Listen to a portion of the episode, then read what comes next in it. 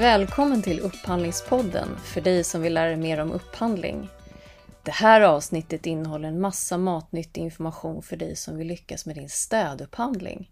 Ni får träffa Karl Henriksson som driver Borago, ett kunskapsföretag inom städbranschen, vilka utvecklar branschen genom utbildningar och expertrådgivning. Kalle beskriver för oss vilka framgångsfaktorer som är viktiga vid upphandling för en långsiktigt bra leverans. Däribland hur man skapar en sund prissättning och hur man kan höja kvaliteten samtidigt som man sänker frekvensen. Han berättar även om kvalitetsmätningar, hur man bestämmer vad som är rent och snyggt, Insta 800, uppföljning, hållbarhet och betydelsen av avverkningsgrader. Nu kör vi! Välkomna till Upphandlingspodden med mig Magnus Colling och mig Jessica Molén. Idag har vi med oss Karl Henriksson som driver Borago bland annat. Och vi ska prata om upphandling av lokalvård och städning. Välkommen! Tack! Roligt att vara här. Ja, kul att ha dig här. Från uh, Linköping, slättens pärla. Nej, men jag uh, kommer från Linköping och bor utanför Linköping, en och en halv mil här i, i Bankerkind, i hembygden. Och eh, vad gäller mitt arbetsliv då så eh, började jag på Borago eh, direkt efter eh, i princip reservofficersutbildning, lite fastighetsmäklarutbildning, några fristående kurser inom eh, företagsekonomi. Och grundtanken var egentligen att jag skulle jobba inom byggbranschen.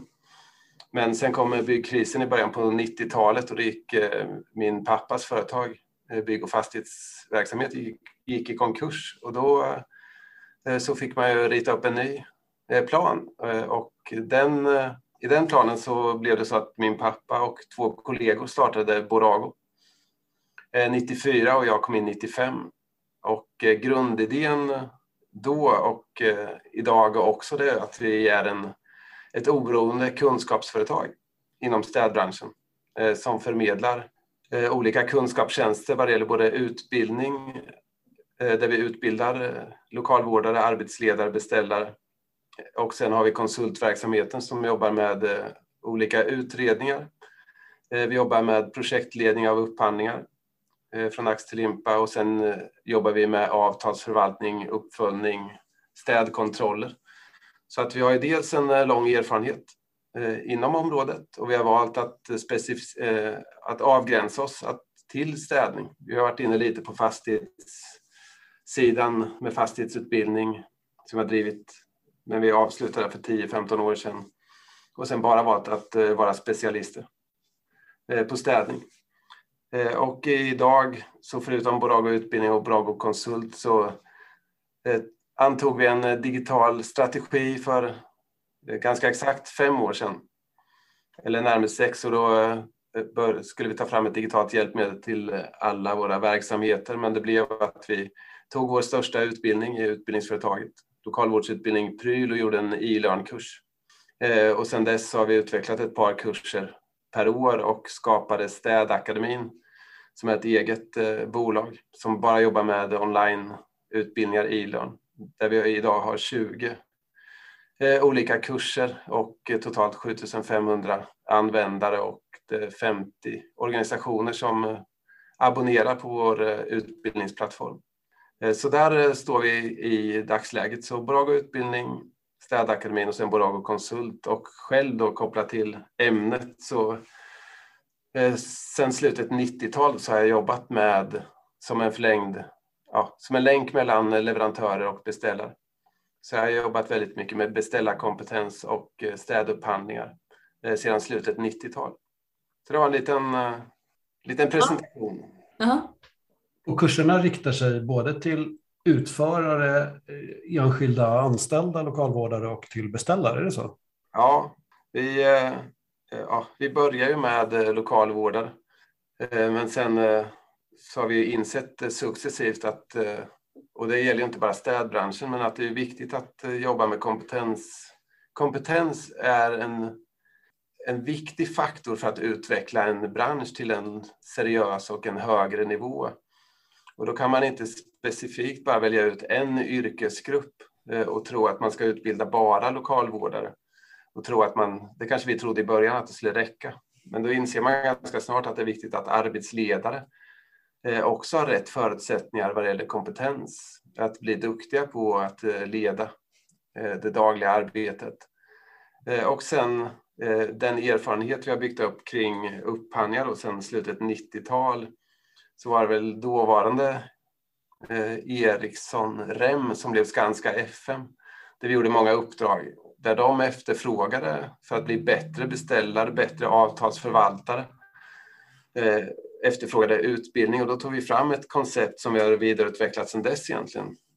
Eh, som vi arbetar kvalitetssäkring av städtjänster som vi jobbar med både mot beställare eh, och för eh, arbetsledare egentligen och driftledare. Så att man får en gemensam syn på vad bra städning handlar om och hur man eh, levererar och eh, följer upp ett eh, fungerande städavtal.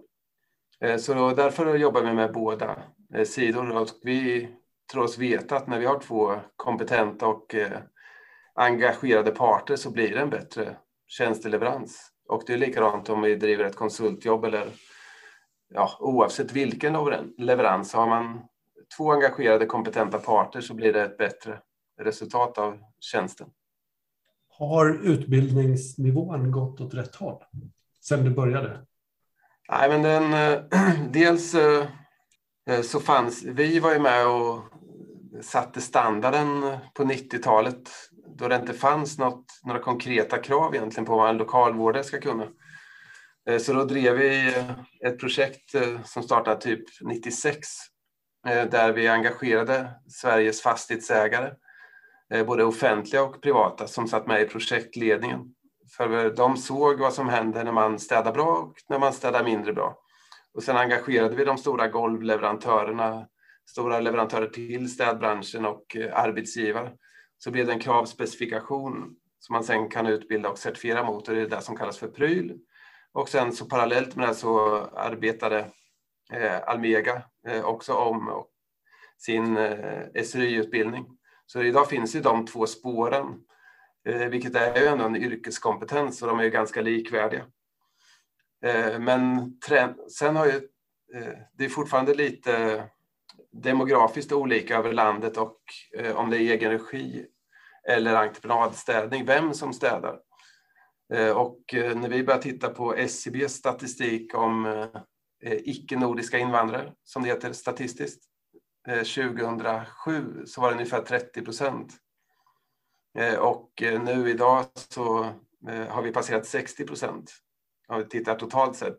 Och sen så har vi en stor integrationsutmaning i Sverige där städbranschen är en fantastisk integrationsmotor, men då är det ju en annan, bara språkkunskaperna är ju annorlunda jämfört med när vi började på slutet 90-tal.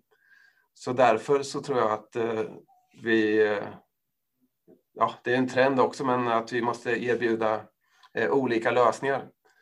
Jag tror inte på att sänka kompetenskraven, men vi måste hitta enklare utbildningar för att komma in i branschen utan att göra avkall på kompetens och kvalitet på tjänsten. Men sen också erbjuda kompetensutveckling så att man kan komma upp SRY, pryl och även andra specialistområden, mer hygien, Insta 800. Eh, och just risken just nu som jag ser det, det är att man sänker kompetenskraven. Eh, för att man sätter språkbarriären eh, som en varaktigt problem. Men vi samarbetar med Norge och Finland och där våra yrkesbevis i Sverige tar från en vecka till tio veckor kanske man går på Arbetsförmedlingen Eh, att få ett yrkesbevis eller yrkescertifikat. Men eh, fagbreven i Norge och motsvarande i Finland, det är en process på ett till två år. Eh, för att få ett fagbrev. Och man ska ha x antal hundra timmar erfarenhet för att få sitt fagbrev. Så de, bland annat Finland, efterfrågar ju motsvarande vår prylutbildning för att kunna tillhandahålla en yrkeskompetens utan att det går två år. Så eh, jag ser väl att Finland och Norge ligger eh, längre fram vad det gäller kompetensstrukturen än vad vi gör i Sverige. Och risken just nu i Sverige är att vi sänker kraven.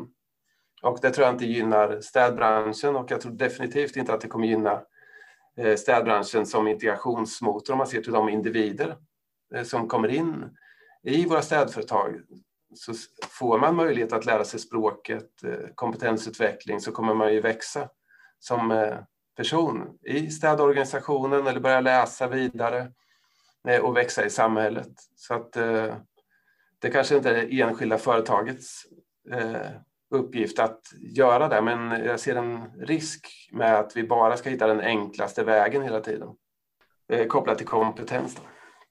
Så antingen att tillgängliggöra säga, utbildningsinnehållet på mer än ett sätt då, som förutsätter en viss grundspråkkunskap som du beskriver idag, då, eller också kombinera det med någon form av språkutbildning. Är det så du tänker? Ja, ja men för den, eh, det ser man ju på städföretag och eh, alla yrkes, eh, yrkessvenska applikationer som växer fram så gör att man kan träna och det är väl också en Eh, trend liksom att man inte bör fylla på med utbildning en gång utan att man jobbar med kompetensförsörjning i lite längre processer. Eh, och där vet jag att de här yrkessvenska eh, applikationerna som finns till olika branscher bygger på att man gör det i anslutning till sitt arbete. Så att man kan lägga upp ett yrkes svenska program på två månader eller sex månader. Och då lägger man in ett visst antal träningstillfällen. Då kanske man tränar en halvtimme eller timme ett par gånger per vecka. Eh, så då blir det ju lite mer varaktigt eh, lärande. Och man har möjlighet att ta till sig högre kompetens också. Driver företagen, är man bra på att göra det som arbetsgivare? De, det är ganska stora företag eh, idag, många. Ehm, Driver man de här programmen? Utbildar man sin egen personal även i de här frågorna i språkprogrammet? Eh, ja, men en del, eh, vi jobbar med avtalsförvaltning på ett eh, sjukhus i, i Stockholm till exempel och där är ju yrkes... Dels så kommer det från kunden att eh, personalen inte är tillräckligt bra eh, på svenska och sen jobbar man med eh, språkträning. Lite, varia, lite variation kanske i engagemang och genomförande men Eh, men det kommer, det finns företag som arbetar med det och det kommer komma i större utsträckning. Och jag tror vi måste göra det.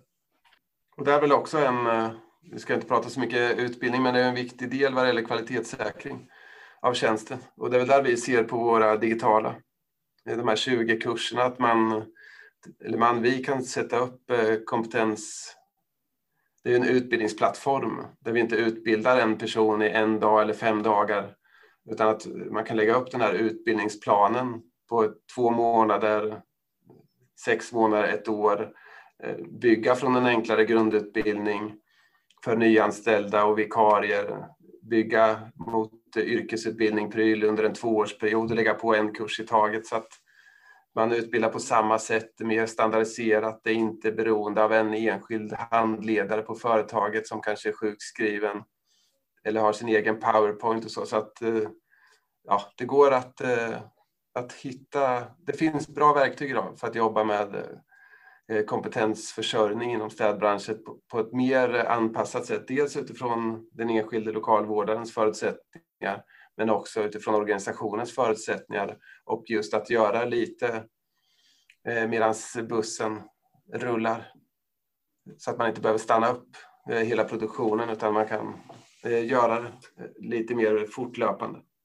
För då beskriver du ett läge också där kanske städning eller lokalvård är ett slags instegsjobb och en uppstart för många. Och då tänker jag att du säger också att det kanske är klokt då som upphandlare att man skulle ställa krav på eller åtminstone efterfråga att den som ska lämna anbud beskriver hur man har tänkt sig löpande utbilda personalen. Finns det något annat att tänka på, särskilt om man ska köpa den här typen av tjänster, givet att Många kanske saknar formell utbildning, språkkunskaper och så vidare. Eh, vi kommer komma lite till eh, alla, kanske inte i detalj, men stegen i en, en bra upphandling. Eh, så, så är det klart att de, alla krav vi ställer ska ju vara relevanta och vi ska ha möjlighet att följa upp det här. Och det är väl lite för enkelt idag att oavsett om det är kompetenskrav, krav på städteknik, eh, eh, kvalitet, att vi ställer väldigt höga krav och vi har eh, strukturerade dokument i upphandlingar så vi, vi kan inte skicka in anbudet utan att kryssa i alla rutor. Men sen vad vi gör med det materialet sen när vi planerar uppstartsarbetet och börjar drifta avtalet. Och det är väl där som själva kompetensförsörjningen, att vi inte bara ställer ett utbildningskrav och sen kryssar man i den rutan. Utan att man kanske får redovisa hur man kommer, som du är inne på Magnus, hur vi kommer eh, utbilda vår personal och göra det under hela avtalstiden. Eh, precis som städteknik, maskiner, eh, hygienstädning och annat. Det är en ganska bra bilaga att, att det är ett krav i, i anbudsgivandet. Att man beskriver hur Eh, man städar de här olika objekten och sen har man det också som ett eh, uppföljningsdokument som blir ett mer levande dokument än att bara bekräfta att man uppfyller ett krav. Eh, så att det är ganska enkelt. Det som är direkt avgörande för tjänstens kvalitet, kompetens, städteknik, kvalitetskontroll, att det faktiskt presenteras i anbudet och sen så blir det en del av avtalsförvaltningen och också styrande och återkommande punkter vid driftmöten och liknande. Vad ska man mer tänka på när man skapar ett förfrågningsunderlag till en upphandling? Ja, men tittar man på eh, vad som är viktigt när man upphandlar lokalvård så skulle jag säga att, eh, att man skulle ta fram mer faktabaserade beslutsunderlag. Och det behöver inte vara så detaljerat egentligen, men att man, har, att man gör en, en förstudie Eh, Eh, innan man upphandlar. Eh, och en förstudie kan ju vara ett, eh, ett projektmöte på fyra timmar. Eller det kan vara att man samlar information under en månad. Men att man inte slarvar med att ta reda på nuläget. Och nuläget är ju vad kostar det idag? Hur nöjda är vi som kund eller våra verksamheter? Hur fungerar kompetensförsörjning eller bemanning? Så att man sammanställer ett nuläge titta lite på hur andra eh, liknande verksamheter arbetar. Eh, lite omvärldsbevakning där och även kartlägga marknaden, hur städmarknaden fungerar och förändras och utifrån det forma behovet för mitt kommande städavtal. För själva upphandlingsprocessen är ju ändå en begränsad period i hela leveransen av tjänsten. Så utifrån den förstudien att då formera behovet i någon form av målbild Eh, och sen också till målbilden och behovsanalysen gärna sätta upp kritiska framgångsfaktorer. Eh, och det kanske är tre stycken. Det kanske är att vi har eh, städpersonalen har haft för lite tid nu under en tioårsperiod. Vi har haft avverkningsgrader som har gått från 400 kvadrat per timme till 800. Vilket gör att vi får dålig arbetsmiljö för lokalvårdarna som slutar för att de inte hinner städa. Vi får dålig kvalitet, missnöjda verksamheter.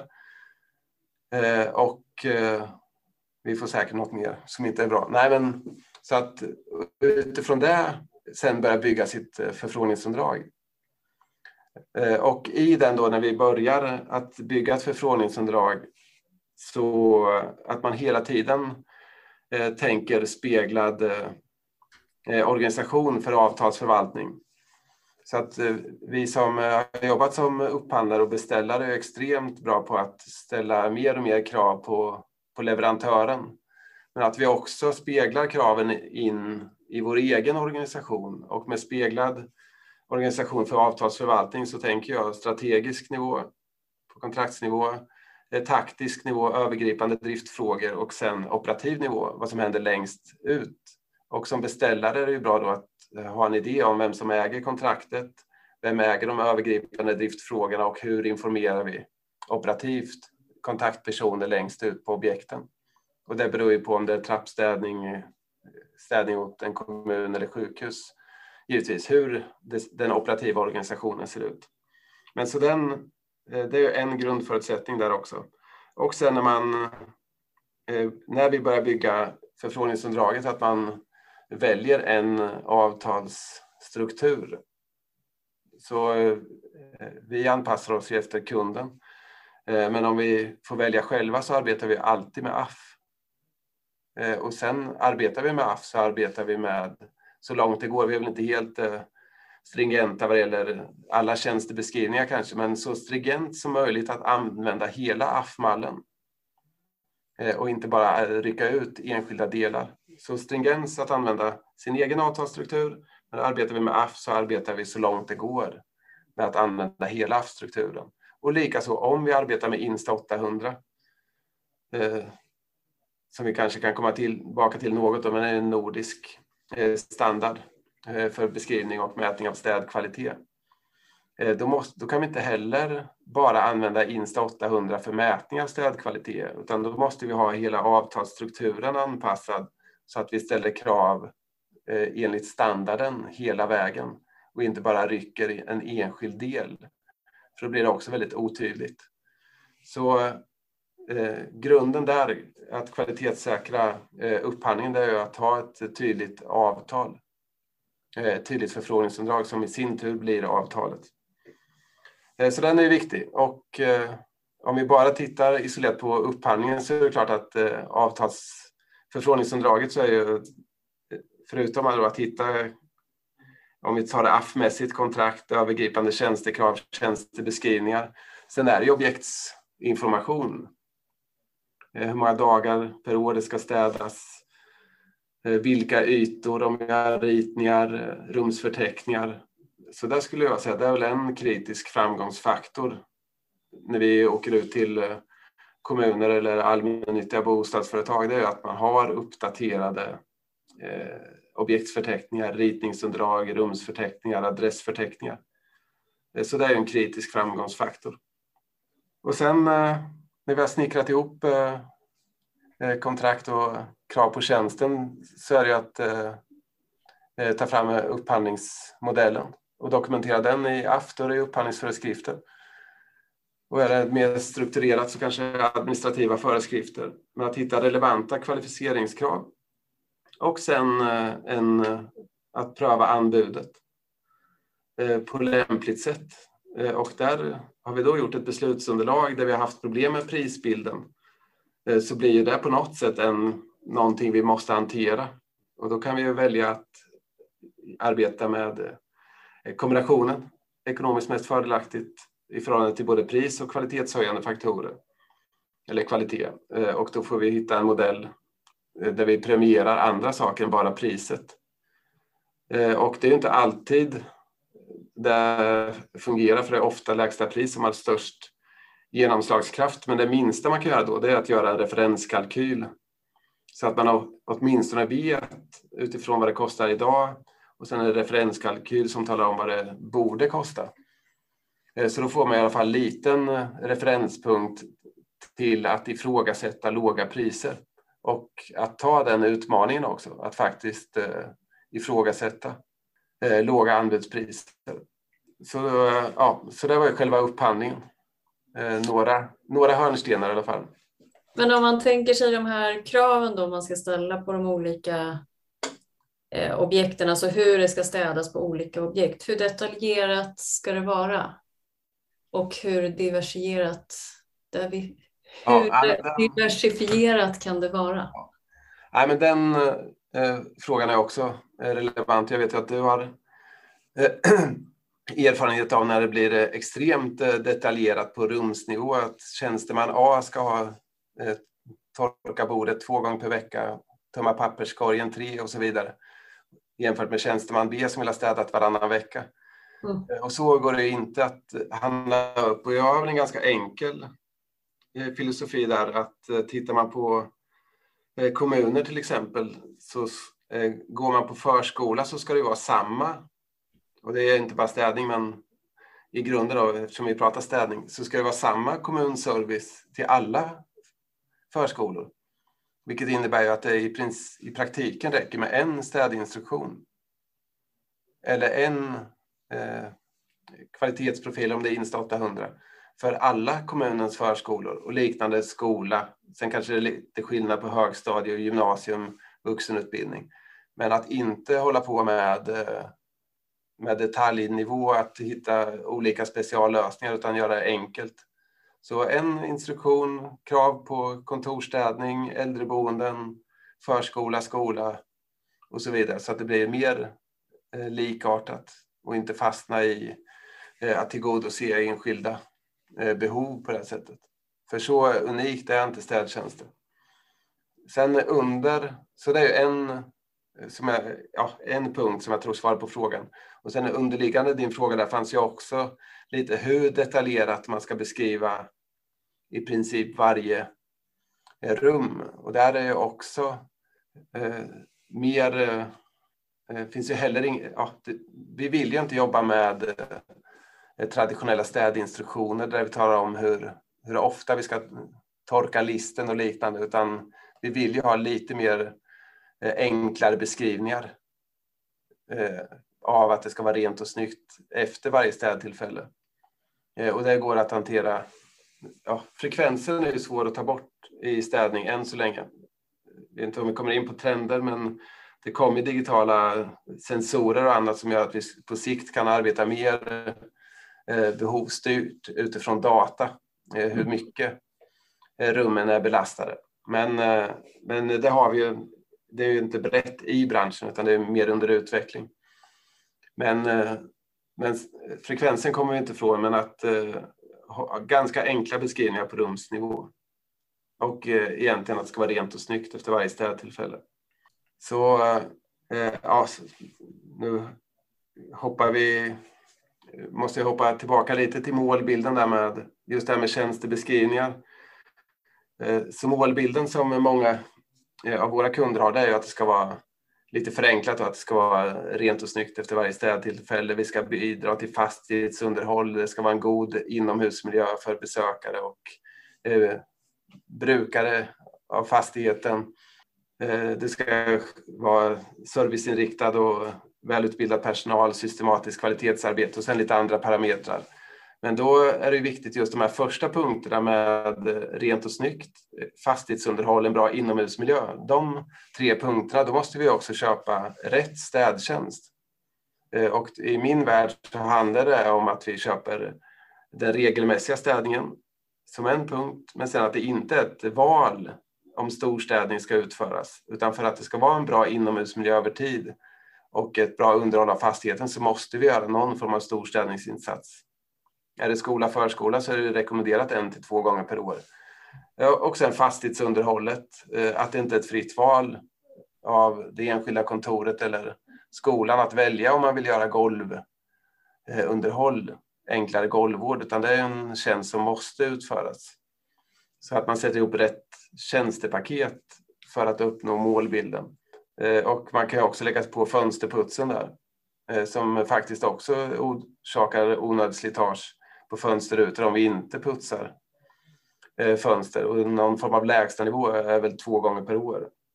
Så ja, jag var tvungen att gå tillbaka dit. Och det är klart, vi kan ju fast... Ja, det finns ju väldigt mycket detaljer, men på övergripande nivå i alla fall att man sätter ihop rätt tjänstepaket för att nå den målbild man har satt upp med entreprenaden. Och jag vet att sätter man upp lite bredare tjänstepaket så får man också en eh, attraktivare lösning för städleverantören där man också kan planera eh, personalen över året på ett annat sätt än om man bara köper regelmässig städning av skola. Då är det 178 verksamhetsdagar. Eh, och då finns det ju avarter in i Sverige där städpersonal har blivit permitterade på lov. Där man får gå och stämpla på loven och sen städa under ordinarie eh, tid. Så att det blir en, en dubbel dålig effekt eh, både för städkvalitet och ja, för beställaren men också för leverantören att kunna erbjuda schyssta eh, anställningsvillkor. Så de hänger faktiskt ihop. Du, du, säger man rekommenderar att en förskola ska städas två, storstädas två gånger per år. Var, till exempel, var hittar man de rekommendationerna någonstans? Eh, det är i eh, Folkhälsomyndighetens allmänna råd för städning av förskola, skola och öppna fritidshem, tror jag den heter, från 2014. Sen eh, har det förekommit lite olika tolkningar av den, men innan där fanns det krav från Socialstyrelsen som var lite, lite bredare att, att tolka. Sen, så jag tycker att de är bra. Sen har det väl blivit lite för höga krav ibland eh, bland annat på dammsugning av, det står att man ska, eh, om det är utrymmen som används varje dag så ska man dammsuga textila material, även i möbler och det blir nästan helt orimligt om man skulle uppfylla eh, alla de kraven. Men som grundstyrning så är Folkhälsomyndighetens allmänna råd är bra.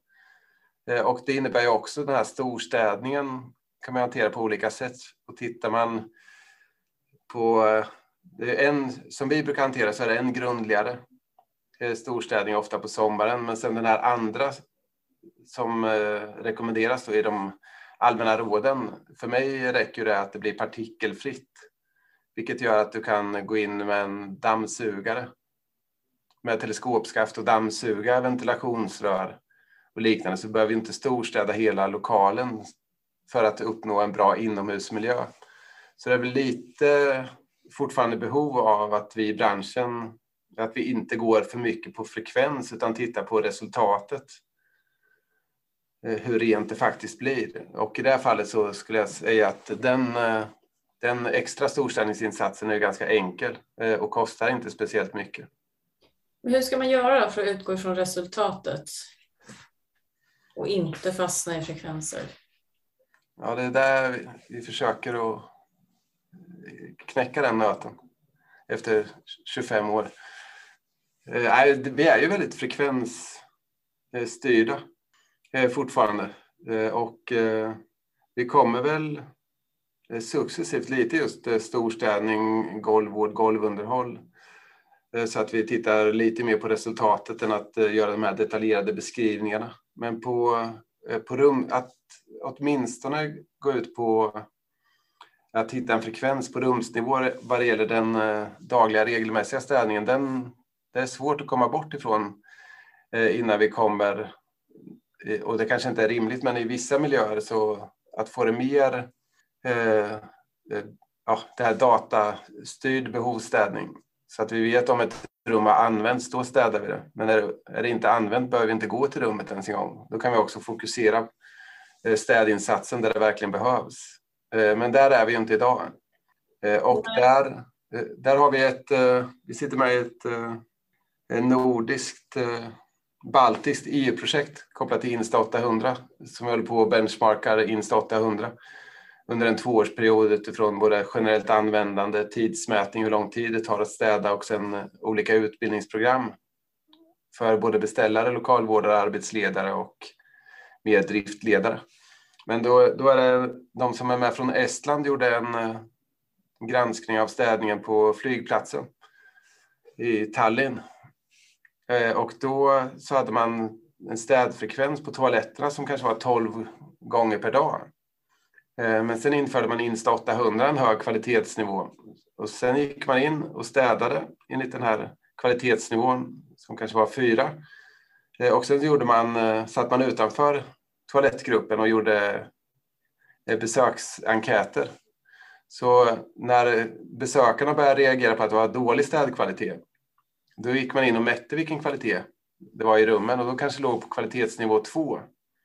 Eh, och med den metodiken, då, så innan de reagerade, så gick det från fyra ner till kvalitetsnivå eh, två och sen så städade man upp till fyra igen och sen såg man hur lång tid det tog innan den sjönk till kvalitetsnivå eh, två igen. Då. Men så länge man städade noggrant varje gång så innebar det i praktiken att man kunde sänka antalet städtillfällen från 12 till 4 gånger per dygn. Och det är lite där just att inte stirra sig blind på frekvensen. Jag tror att vi har använt frekvensen för att vi tror att det blir bättre städat. Men gör vi ett riktigt bra resultat varje gång vi städar så kan vi ofta dra ner på frekvensen. Och jag vet... Också så skulle man ju kunna anpassa sitt städ, sin städkvalitet då till frekvensen. Om det är en hög frekvens tycker man så behöver man inte städa lika noga. Nej, men problemet tycker jag ofta har varit att man har gjort det halv och det är något med den, den prispress som har varit under de här eh, våra drygt 25 år så, så blir det billigare och billigare. Och då har vi använt frekvensen för att få mer städning. Men har vi en hög frekvens och aldrig gör ett grundligt arbete utan att det blir lite slarvigt så, så höjer vi aldrig nivån till att det blir riktigt rent och snyggt. Och det betyder att när du går på erfarenhet så är ju erfarenheten frekvensen, precis som du säger, det blir mer städning. Ja. Men kanske inte bättre. Nej. Och jag vet eh, på Stockholmshem, eh, Magnus och jag, jag har ju jobbat inom eh, lite olika allmännyttiga bolag tillsammans. Och, men det här var på Stockholmshem, där var jag nog själv. Men då så hade man ju hamnat i den att man, det var pressade priser, dålig kvalitet och sen höjde, eh, höjde Stockholmshem frekvensen. Så det var extra städning vintertid och kanske året runt i stort sett. Eh, men sen eh, så tog vi fram en annan upphandlingsmodell. Så vi handlade mot golvpris som var tillåtet då för 5-10 år sedan. Eh, så då styrde vi, då höjde man den totala kostnaden med 25 procent så fick man eh, mer tid för att städa. Eh, och då eh, fick vi också in leverantörer som eh, var bättre på att städa och använda tiden och då kunde vi sänka frekvenserna. För att precis som på toalettstädning på flygplatsen där gjorde man riktigt rent varje gång man är i trapphuset. Sopa ur hörnen, ta trappräcket någon gång i månaden, alltid entrépartiet och så vidare. Men det var rent efter varje städtillfälle. Och då är återsmutsningen är långsammare och eh, kunden, de boende, reagerar inte för att det blir ordentligt rent en gång per vecka än att det är halvrent tre gånger per vecka. Eh, så det löser inte det här med funktion och frekvens eh, på något sätt. Men jag tror att vi inte får, där vet jag, vi får inte bättre städning per automatik bara för att vi gör det oftare. Och det är väl där också när vi granskar städning, inte minst kanske från, från myndigheter, eh, så tittar man ofta på städinstruktioner. Man kanske inte har förmågan att bedöma resultatet utan tittar mer på frekvenser. Det är många kommuner som städar klassrum eh, varannan dag och vissa städar varje dag. Eh, och vi har ju också gått väldigt mycket på att man ska städa klassrum varje dag. Men det finns ju de som städar klassrummen varannan dag utifrån samma princip. Att man gör det ordentligt varannan dag. Och det kan ju vara mycket bättre resultat än att vi städar det varje dag. Men om man ska få fram en sån kvalitetsmätning av, höll jag säga, du säger rent och snyggt tycker jag. Eh, och, mm. och är inte lite av en utmaning med just den här tjänstepaketet är att alla har en egen uppfattning om vad rent och snyggt är. Och Insta nämner du som Insta 800 som ett eh, kvalitetsstandardiseringsverktyg. Är det, är det det som man ska använda eller finns det andra varianter? För att mäta just renhet och snygghet. Ja, ja men eh, oavsett eh, vilket, för det, det är ett område vi eh, ja, bör beröra och som vi ska beröra nu, det är ju med kvalitetsmätning som en del av avtalsförvaltningen. Och tittar man på grunder så är det bra att göra någon form av kundundersökning. NKI med verksamheten eller bostadsföretagen har ju varit fantastiskt duktiga under lång tid, tid att systematiskt arbeta med aktiv bo och liknande boindex. Eh, så att man får den här mer subjektiva bilden. Eh, och sen så ska man göra kvalitetskontroller eh, oavsett om det är i enlighet med standarden Insta 800 eller om det är en traditionell städbesiktning där man kontro kontrollerar om det är rent och snyggt. Och det är klart, där kan vi ha olika syn.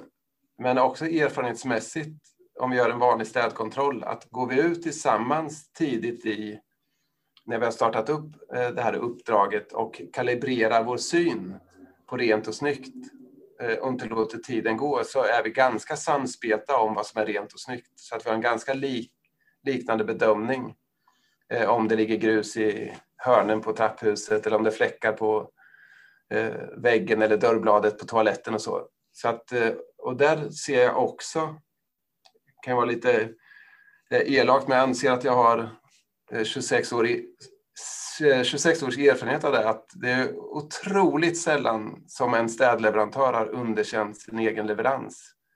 Oavsett om det är Insta 800 eller om det är en vanlig städkontroll.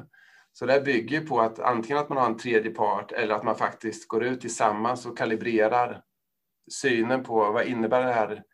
Hur hanterar vi instakontrollen? För även om det är standardiserat så finns det en eh, subjektivitet som gör att städleverantören ofta godkänner sin egen leverans. Eh, jag hade ett sådant exempel från i höstas här på ett eh, okänt objekt. Men där eh, hade städleverantören godkänt sin egen instakontroll tio månader i rad, i princip utan några nedslag alls, för man mäter ju antalet föroreningar. Så även där det var kvalitetsnivå 3 så var det levererat kvalitetsnivå 5 i korridorer och så här. Och det, det, är liksom, det är omöjligt i stort sett. Men då tog vi in en tredje part, en kollega i branschen.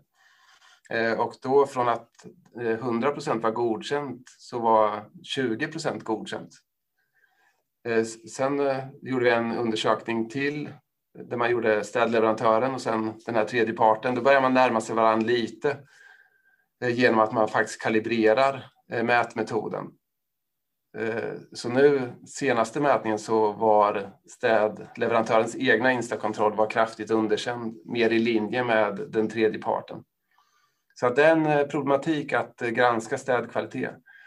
Men att mötas ute i trapphuset, i sjukhuset, på förskolan tidigt i leveransen och kalibrera vad som är rent och snyggt oavsett om det är Insta 800 eller en traditionell eh, städkontroll eh, så är det ett väldigt bra hjälpmedel. Eller en bra metodik. För mig då som inte är så bekant med Inst 800, du säger olika kvalitetsnivåer och sådär. Vad innebär det och hur mäter man? Du säger att man mäter antal föroreningar eller mängden föroreningar. Hur eh, får man förstå vad, vad det innebär? På, på 30 sekunder. Ja, du har 30 sekunder på dig. Nej, men eh, dels eh, eh Insta 800, nordisk städstandard, kom eh, runt år 2000. Eh, och det är då ett verktyg för att avtalsmässigt beskriva olika kvalitetsnivåer. och sen förenklat och så är det standardiserat hur vi mäter Eh, kvalitet mot de här olika avtalade kvalitetsnivåerna. Eh, och eh, I standarden då så delar man in ett rum eller kontrollenhet i olika objektsgrupper. Golv, väggar, inventarier och tak. Och då får det finnas, beroende på kvalitetsnivåerna, från 0 till 5. Så det är sex olika kvalitetsnivåer. Eh, så på, i varje objektsgrupp då får det finnas ett visst antal eh, föroreningar efter utförd städning. Så ju högre kvalitet, ju färre eh, föroreningar, smutsans, smutsanhopningar får det finnas efter utförd städning. Så kvalitetsnivå noll, då får det finnas nästan obegränsat och sen så, så krymper det upp till kvalitetsnivå fem, där det är väldigt få smutsanhopningar som får finnas kvar då, efter utförd städning. Eh, och då sätter man ju de olika kvalitetsnivåerna i avtalet och sen så är det standardiserat hur man mäter eh, och man gör en okulär besiktning eh, mot de här eh, kvalitetsnivåerna. Eh, och då gör man bedömning av golv, väggar, inventarier, tak var för sig. Så är golven underkända så är hela rummet eh, underkänt. Men då gäller det ju att vi också gör den här okulärbesiktningen på standardiserat sätt och kalibrera den så att vi faktiskt tolkar standarden eh, på samma sätt, vilket eh, inte är fallet i praktiken. Mm. Det, var, det kanske inte gav hela bilden, men sett, satt till det också en viktig del för eh, Insta 800 är lite mer karaktären av funktion, men det är alltid en kvalitetsfrekvens. Så du anger alltid en kvalitetsfrekvens på olika rum och det är ju hur ofta du ska uppnå avtalad kvalitet. Så kommer du till mitt kontor här en gång per vecka och det är avtalat kvalitetsnivå 3 och jag gör bedömningen att det är ingen smuts som gör att det understiger kvalitetsnivå 3 så räcker det i praktiken med att jag kanske går in och tömmer papperskorgen och sen går jag ut i rummet. Så att det är mer funktion än att det står att vi ska torka bordet och fönsterbrädan och golvlisten och allt det som gäller. Så att, eh, men det är fortfarande inte en hel funktionsentreprenad utan det är ändå styrt utifrån den här kvalitetsfrekvensen. Eh, så att det är också en viktig så här, huvudprincip eh, för användande av standarden. Men ett mm. väldigt bra avtalsverktyg och också ett väldigt bra verktyg för att man gör kvalitetskontrollerna, en standardiserad okulärbesiktning fyra gånger per år Och sen är det också, om man kommer in på detaljnivå, så är det standardiserat hur många rum eller kontrollenheter som det kallas, som man ska göra eh, vid en, eh, ja, vid en städkontroll. Så gör man inte alla rummen utan man gör på ett urval beroende på hur stort objektet är. Och utifrån det så får det finnas ett visst antal eh, avvikande rum då, som inte uppfyller avtalad kvalitet men ändå kan kvalitetsmätningen vara godkänd. Men eh, så den, är ja, det krävs en hel del kunskap både från beställare och leverantör. Eh, och det krävs också att man har en eh, stringens i eh, kontraktet så att man följer standarden fullt ut och inte hittar på egna tolkningar. Ja. Jag tänker de här kvalitetsnivåerna då, hur används de? Så till exempel, hur ofta används kvalitetsnivå 6? Är det helt orimligt att ställa det kravet? Eller är det typ sjukhusstädning? Ja. Eller hur, hur... Nej, men jag sa lite felaktigt där, men det är från kvalitetsnivå 0 till 5 då, så det blir sex nivåer, så den högsta är 5. Eh, men där eh, är väl också lite inflation, precis som frekvenser, att vi kanske sätter lite för hög Eh, kvalitetsnivå. Men tittar man på sjukhus i, i Stockholm så är det ofta kvalitetsnivå 4 eh, på toaletter, hygienutrymmen. Eh, och sen kanske operationssalar och liknande kvalitetsnivå 5. Eh, och sen kan det gå ner på administrativa lokaler eh, till kvalitetsnivå 3. Men sen är det väl lite förskjutning där att i praktiken att det ofta ställs kvalitetsnivå 5 på toaletter. 4 även på kontorsutrymmen för att man vill att det ska vara rent och snyggt efter varje städtillfälle. När använder man kvalitetsnivå 0 då? Är det... Nej, det förekommer ju inte. Eh, och inte kvalitetsnivå 2 i praktiken heller. Man skulle kunna tänka sig att det är arkiv, förråd och liknande. Fast har man en kvalitetsfrekvens på en gång per eh, månad eller per kvartal så är det som jag sagt förut, om man väl tar sig till förrådet så är det bättre att, eh, att man gör en ganska grundlig städinsats så att man åtminstone når kvalitetsnivå 3 skulle jag säga.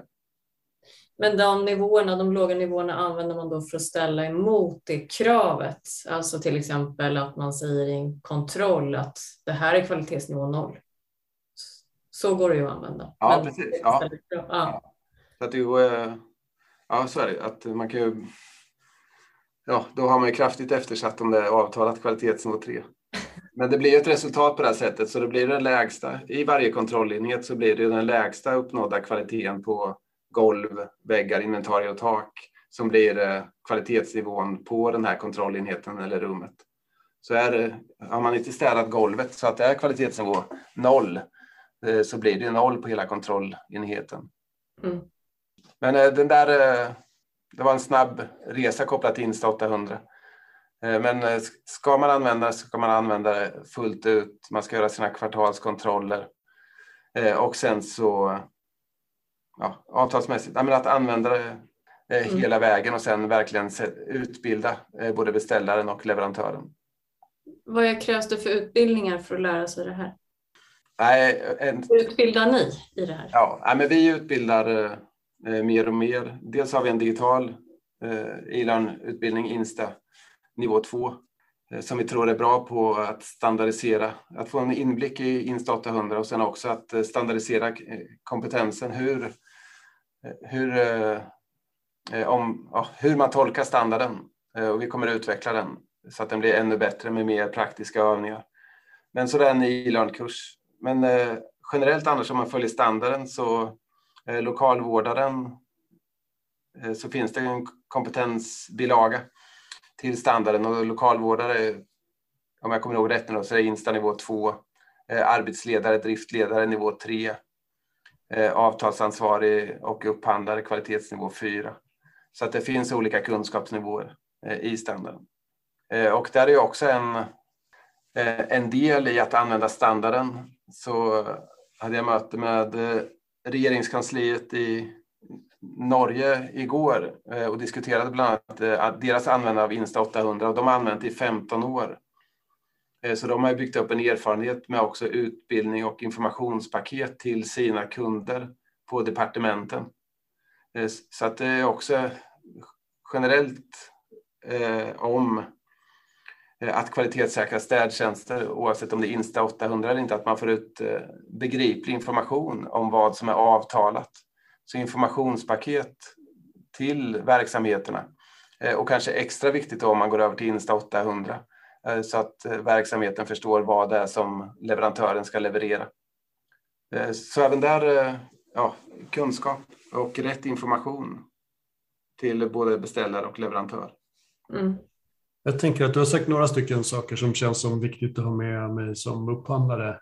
En del naturligtvis hur man strukturerar och kravställer i själva upphandlingen och sen så låter det som att vi ska ägna en del tid gemensamt med leverantörerna i själva uppstartsfasen och kanske ha det som ett eget projekt. Det har du inte sagt uttryckligen, men jag tänker att det låter som en viktig fas. Och sen så har du också sagt planera för uppföljningen och se till att faktiskt vara ute på plats.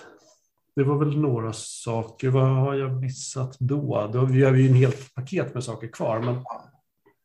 Nej, men den, eh, vi kanske kommer tillbaka till några punkter för de olika rollerna, men eh, det vi har diskuterat innan innan där också, det är prissättningen för beställare. Att beställaren förstår, eller upphandlaren, vad städkostnaden består av. Så vi har en debatt kring timdebitering. Och där finns det en länk som Almega kallar för städtimmen.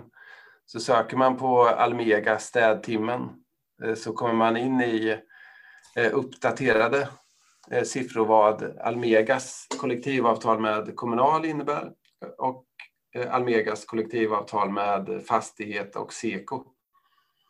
Och då kan man se vilken lägsta lönen är och vilken lönen är om man har fem års erfarenhet. Och sen så kommer det olika Eh, personal, eh, ja, kostnadspåslag och städmaterial, arbetsledning, administration och så vidare. Så timdebiteringen, att hålla reda på den, det är en hygienfaktor att förstå varför det är rimligt nu vill säkert Almega säga att jag skulle säga från 300 kronor. Men tittar man på eh, Kommunal som ligger lite lägre så kanske gränsen går på 270 kronor per timme om det är dagstädning mellan 6 och 18. Sen är det OB-tillägg. Men det kanske är från 270. Är det fastighetsanställdas, det här kollektivavtalet så kanske det är från 280 eller 290 kronor som är rimlig lägstanivå. Eh, men så det är ju en viktig hygienfaktor tycker jag som beställare och där har vi haft massa avarter när offentliga myndigheter har upphandlat för 200 och eh, 250 för inte många år sedan och då blir det låga timdebiteringar så vet vi om det är ramavtal eh, att man måste debitera 10 timmar och leverera 8 för att det går inte att få ihop affären så länge man betalar kollektivavtalsenliga löner. Eh, så går det inte. Eh, så, så, att hålla reda på den, det är en hygienfaktor. Det andra i städkostnaden det är hur mycket tid man avsätter. Så tittar vi på städföretag som har egen anställd personal så är personalkostnaden mellan 65 och 80 procent. Oavsett om det är Kallestäd som omsätter 4 miljoner eller om det är Sodexo, om man bryter ut bara städverksamheten, så har man 65 till 80 procent.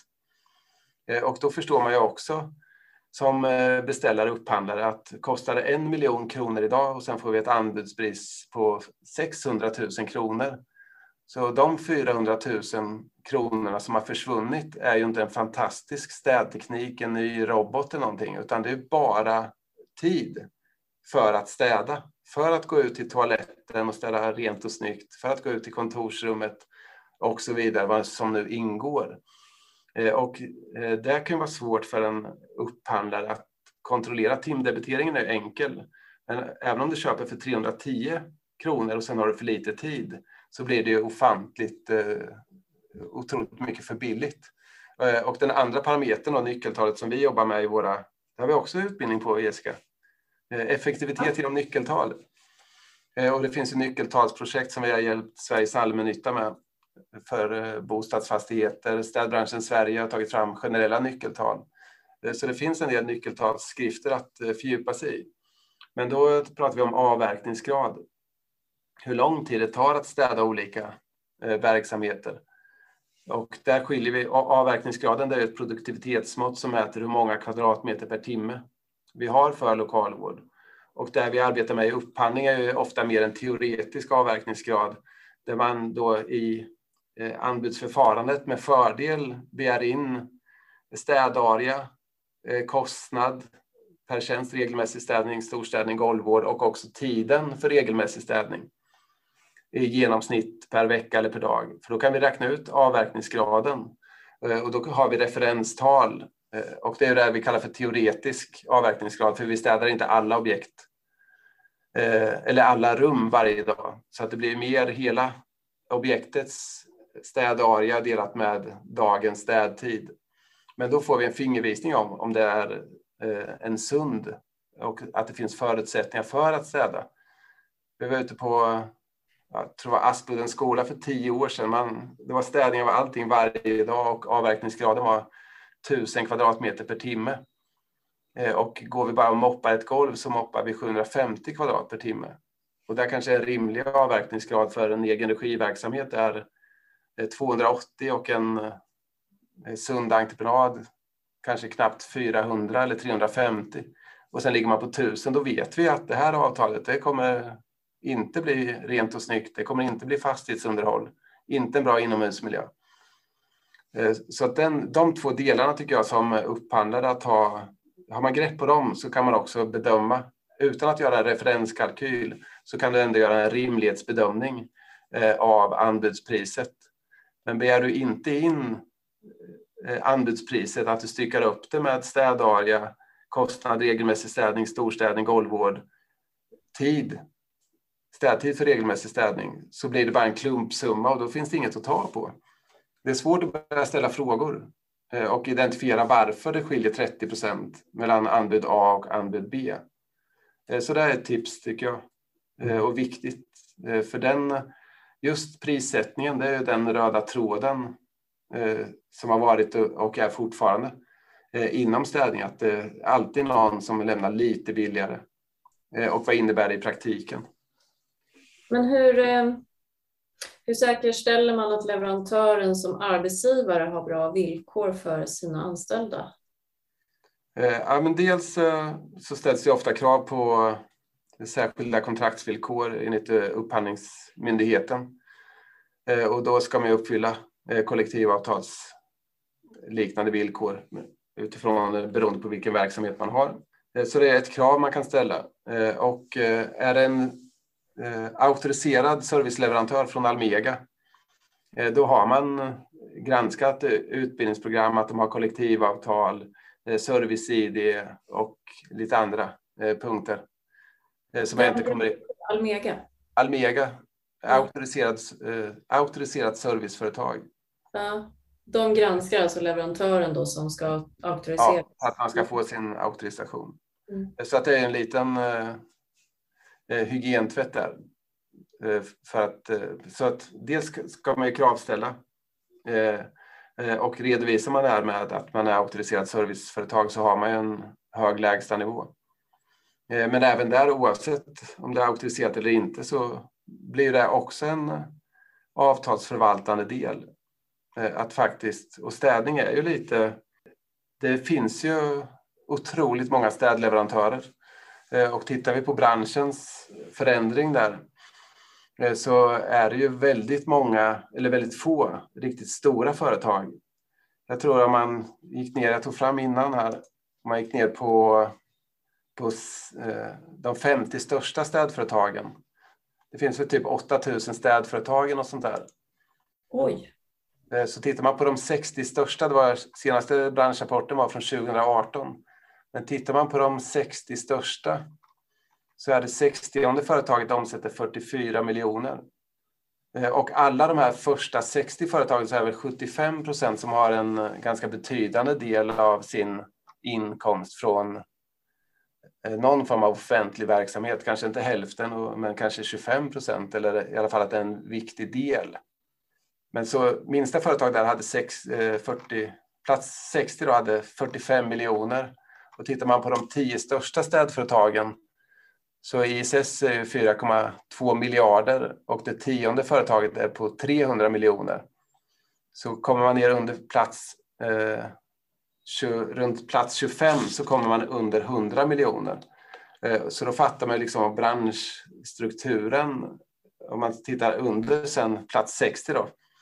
Så bland de här, eh, om det är 8000 städföretag och 3000 aktiebolag så är det ju enormt mycket där man kallar i branschrapporten för mikrobolag som är väldigt mycket mindre och det är klart att eh, det gäller att följa upp både stora och små företag och mikroföretag så att man faktiskt uppfyller kraven. Eh, så att jag tycker man ska vara riggad eh, oavsett om det är stora eller små företag att faktiskt följa upp de viktigaste kraven. Och då är det så med städning att en del är ju mer hygien, varumärkets störande eh, social hållbarhet, liksom, vilka arbetsvillkor erbjuder man sin personal och hur seriös är den här leverantören? Eh, så där vill man ju jobba med seriösa företag som ger schyssta villkor och följer kollektivavtal och liknande. Och sen den andra delen är att följa upp eh, städkvaliteten. Så båda de delarna är väldigt viktiga och centrala skulle jag säga och lite olika roller kanske, vem som följer upp det i en beställarorganisation. Jag tänker på den personalen som är på plats, att ha koll på att den personalen också är anställd hos leverantören eller Ja, vi har ju... Ja, och där tror jag också, vi pratar om kompetens och löpande kompetensutveckling, men att man har en, en organisationsöversikt med personalförteckning så att man vet vem som är ordinarie personal, att de är utbildade, har service-id, om det är krav på registerkontroll, att man har kontrollerat registerkontroll. Och sen att det är en återkommande punkt på eh, driftmöten om man har det en gång per kvartal så att man ser eventuella personalförändringar. Eh, eh, och sen är det klart att när man som upphandlare eller som beställare vill ha städningen, är det dagstädning mellan 6 och 16 eller 6 och 18, då ser man ju personalen. Men är det städning efter klockan 20 så Eh, är det ökar ju risken med att man inte vet vem som är inne och städar. Eh, och då kanske man måste så det är lättare att följa upp eh, dagstädning, för då får du en kontakt och bygger en relation med städpersonalen på plats. Men när det är städning som sker efter stängning så blir det väldigt anonymt. Och där kanske, där är också en trend. Men vi har exempel på där larmet har gått och sen är det två av tre lokalvårdare som inte kan identifiera sig överhuvudtaget. Eh, och då ringer många varningsklockor. Eh, och den typen av uppföljning vet jag att eh, facket har jobbat med. Jag vet Gesa Markusson som har varit stark inom kommunal och stort engagemang för städning. har varit en sån person. Jag såg senast förra veckan så var det Botkyrka kommun som upphandlade arbetsplatskontrollanter för transport, städning och någon mer bransch. Utan att veta detaljerna, men min tolkning var ju att man skulle gå, göra stickprovskontroll på Eh, det, vi kallar, ja, det de kallar för riskbranscher och städning är definitivt en riskbransch. Och all form av uppföljning eh, premierar ju den seriösa leverantören. Eh, så jag tycker att, eh, ja, att all form av avtalsförvaltning eh, och aktiv handling från beställaren ger en bättre resultat av tjänsten och sen kommer den långsiktigt gynna de bra leverantörerna. Och det är ju alla betjänta av. Du nämner service i, i det. Vad är det för någonting? Eh, det är ett eh, ID-kort som motsvarar eh, ID 06. Och Service-ID togs fram av Almega och Skatteverket. Tillsammans, kanske facken också. Och det var just för att kunna Eh, skapa mer eh, en, ja, en mer obligatorisk eh, identifiering av lokalvårdare så att man kan göra den här seriositetsgranskningen och se om det faktiskt är en ordinarie personal som är inne. Och som jag sa så är det också ett krav, vad jag har kunnat utläsa, för att vara auktoriserad serviceleverantör. Då ska man ha sitt service-id när man städar tillsammans med profilkläder givetvis. Men så service-id, sen har man inte samma det här med personalliggare som det är inom bygg och restaurang, men jag tror inte att det går att göra koppling direkt mot Skatteverket och så, men det är i alla fall ett steg mot att faktiskt eh, ställa mer eh, krav som även där premierar att man har eh, koll på vem som kommer att städa. Och det är en trygghet både för leverantören och för beställaren. Så det är ganska mycket sen där vi kanske inte varit inne så mycket på det, olika modeller för prövning av anbud. Jag pratar om lägsta pris eh, som är någonting som återkommer från eh, leverantörerna. Eh, och jag ser i, i branschrapporten så hade det ökat från om det var 2017 till 2018 när man gör branschundersökningar på städföretagen och medlemmarna i Almega så tror jag att det hade ökat på från drygt 50 procent som inte lämnar anbud i offentlig sektor till 66 procent. Eh, så att det är ganska många som väljer att inte lämna anbud i offentlig verksamhet och det är ju ett eh, problem för offentlig verksamhet. För vi vill ju alla attrahera de bästa leverantörerna. Eh, sen är det klart att av de 66 procenten så är det ju många av de så kallade mikrobolagen som inte väljer att lämna anbud. Så tittar vi på de 60 största så har jag svårt att identifiera mer än kanske en handfull eller max 10 som helt har valt att inte lämna anbud i offentlig sektor. Så att man, det är en sanning med modifikation. Mm. Så många är beroende av eh, offentlig sektor men det är ändå en signal tycker jag till alla beställare för jag tror alla vill ju göra den bästa affären med de bästa leverantörerna. Och då måste vi vara attraktiva. Eh, och då är det klart att anbuds... Eh, och en anledning man anger då det är att, eh, och man har gjort granskningar, så är det ju 95 procent kanske som är lägsta pris i olika offentliga upphandlingar. Och det är klart att har man då inte koll på hur man utvärderar priset, timmar, avverkningsgrad, totalt pris, så är det klart att det är ganska vanligt att det blir en, en osund prissättning och därmed sämre arbetsmiljö för städpersonalen, sämre anställningsvillkor och också sämre kvalitet. Eh, så det är en, nöt att knäcka. Och det är väl därför det är ett av de största problemen, eh, tycker jag. Eh, så det är inte liksom Insta 800 eller uppfinna nya upphandlingsmodeller utan mer basic att hitta en modell så att man gynnar seriösa leverantörer där städpersonalen får skälig tid och bra anställningsvillkor för att göra ett bra jobb, för då stannar man också eh, på objekten. Man orkar eh, bygga ett yrkesliv inom lokalvård. Om man tittar på städupphandling ur ett hållbarhetsperspektiv, ja. vad händer där? Ja, men dels, och hållbarhet är ett brett Eh, begrepp eh, givetvis. Och eh, det som kanske har fått störst medial uppmärksamhet är väl mer klimat och miljöpåverkan. Mm. Och städning är klart att man har en miljöpåverkan med ja, val av kemiska produkter, underhållsmetoder av golv och liknande. Men det är väl, den största inverkan tycker jag är väl mer social hållbarhet Eh, och inte så mycket, jag underskattar inte miljö och eh, klimat i städtjänsten, det ska man givetvis jobba med.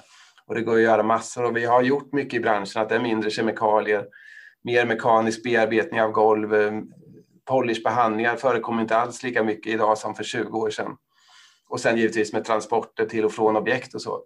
Så givetvis är det jätteviktigt, men jag tror den största utmaningen utifrån min erfarenhet det är ju social hållbarhet, att skapa bra förutsättningar för personalen eh, att faktiskt kunna leva på sin, sitt städarbete.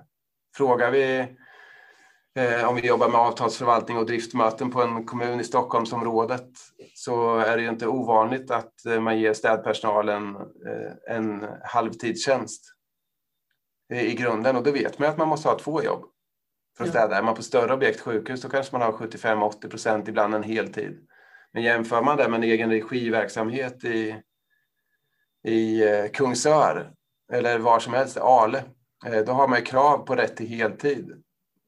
Så då har man, när vi gör en utredning där så har man en sysselsättningsgrad på 95 procent av en heltid. Eh, och då kan man leva på sitt eh, städarbete och få en helt annan uthållighet. Så för mig just idag i alla fall så är det väldigt mycket social hållbarhet, att skapa bra förutsättningar för lokalvårdaren, dels med anställningsvillkor, sysselsättningsgrad men också städbetinget så att man inte får för låga priser. Eh, för då sliter vi ut personalen och det blir dålig kvalitet. Eh, och då blir det också en, en aspekt på hur mycket vi orkar följa upp. Eh, och vad vi ska lägga fokus på. Och jag tror på att lägga fokus på att säkerställa att man har kompetens, inte byter ut personal, att leverera rätt kvalitet. Och i det så är givetvis städteknik och direkt hur mycket kem man använder. Men man måste anpassa eh, hållbarhetskraven till tjänsten och för, för städning så är det väldigt mycket social hållbarhet. Så eh, det var en eh, liten sammanfattande punkt med tips till upphandlare, beställare, leverantörer och den som arbetar med lokalvård. Och om vi tittar på att lyckas med städtjänster totalt sett så bygger det på att ha engagerad, kompetent och uthållig lokalvårdspersonal. Och för att lyckas med det så måste man också ha en engagerad och kompetent arbetsledning. Så det är två nyckelspelare för att få det här att fungera. Eh, och sen som upphandlare tycker jag att eh, bli lite mer faktabaserad, att återvinna, eh, återanvända erfarenheter från andra, från tidigare upphandlingar. Och har man kört fast i att det blir väldigt billigt och dålig kvalitet, att våga pröva andra vägar. Och alltid, oavsett om man kör lägsta pris eller eh, mervärden, att alltid granska eh, anbudspriserna och bryta ner dem så att man kan ifrågasätta låga priser. Eh, och det finns eh, kunskap och nyckeltal, erfarenhet kring det. Eh, och beställaren av tjänsten har vi varit inne på. Eh, och det är ju mycket att jobba med en aktiv avtalsförvaltning och använda de resurser man har på bästa möjliga sätt. En del kommuner har en heltidstjänst som jobbar som städkontroller. Eh, men jag har bemannat en tillförordnad städkontroller i kommun där vi eh, i princip tar emot felanmälningar och sen så genomför vi kontraktsmöten två gånger per år där vi efterfrågar kompetens, organisationsförändringar, kvalitetskontroller och leverantören tycker att vi är en otroligt eh, aktiv beställare genom att göra kontraktsmöten två gånger per år. Vilket säger också det här att det kanske inte alltid behövs enorma resurser, men även där engagemang att faktiskt göra någon form av lägsta nivå i avtalsförvaltningen och givetvis informera beställaren eh, så att de vet eh, operativt ute i verksamheten så att man har informationsmaterial så att man vet vad som ingår i städtjänsten. Eh, och leverantörerna skulle jag säga att eh, ägare till städbolag, man kan skälla hur mycket som helst på eh, upphandlare och offentliga upphandlare. Men det är städbolaget och ytterst ägarna som bestämmer. Ska vi pressa priset? Är det okej okay att städpersonalen, är det så viktigt för oss att vinna det här uppdraget? Städpersonalen ska städa på 800 kvadratmeter per timme. Så att eh, ett ägaransvar att ändå bidra till att skapa sundare förutsättningar. Så att det är städbolagen som sätter priserna. Eh, så, så leverantörerna att vara, eh, ja, att premiera de seriösa. Och sen även där tycker vi nästan oavsett vilken leverantör det är Eh, att skapa rutiner och sen arbeta med ett aktivt ledarskap som är ute på objekten och stöttar lokalvårdarna. Så rutiner och aktivt ledarskap. Mm. Och sen lokalvårdare att, att jag utbildare Eh, så att du är attraktiv på arbetsmarknaden och sök efter den leverantören som erbjuder dig riktigt schyssta arbetsvillkor. Och lär du dig språket eh, får du kompetensbevis, olika utbildningar, så kommer du öka din attraktionskraft och hitta den bästa eh, leverantören som erbjuder dig bäst arbetsvillkor och sen så kan du växa där eller nöja dig med det arbetet eller växa till gruppledare, teamledare, göra karriär i serviceorganisationer eller i någon annan verksamhet. Så det var några snabba, några mm. korta. Mm. Bra. Eh, avslutningstips. Tack så hemskt mycket. Tack. Ja, jag är, eh, det är fantastiskt roligt med de här, eh, både upphandlingsklubben och det här. Det, det är lärorikt. Är det. är mm. Jag gillar formatet. Vi lär oss jättemycket. Så för oss är det ju fantastiskt att få göra det. Ja. ja. Nej, men det var väldigt kul att vara med och hoppas att fler, eh, att många lyssnar på det här och eh, också tar till sig, tar till sig de här eh, ibland tar till sig den erfarenhet som finns till att faktiskt lyckas med att upphandla kvalitetssäkrad lokalvård. Eh, det är inte enkelt, men det är också vissa grundstenar som är väldigt enkla. Eh, och det finns förhoppningsvis så att det har kommit fram lite handfasta tips. Och hoppas att det har gett nytta och eh, alla får lycka till med sin lokalvård. Ja, tack för att du var med, Kalle. Jättebra, toppen. Stort tack. Vi hörs igen. Det gör vi. Ha det gott. Tack för att du lyssnat. Finns det saker du skulle vilja höra mer om eller någon du kanske tycker att vi ska intervjua så hör av dig till oss på lyssna.upphandlingspodden.se. Ett särskilt varmt tack till Erik Stridell på Bybrick som komponerat Upphandlingspoddens jingel.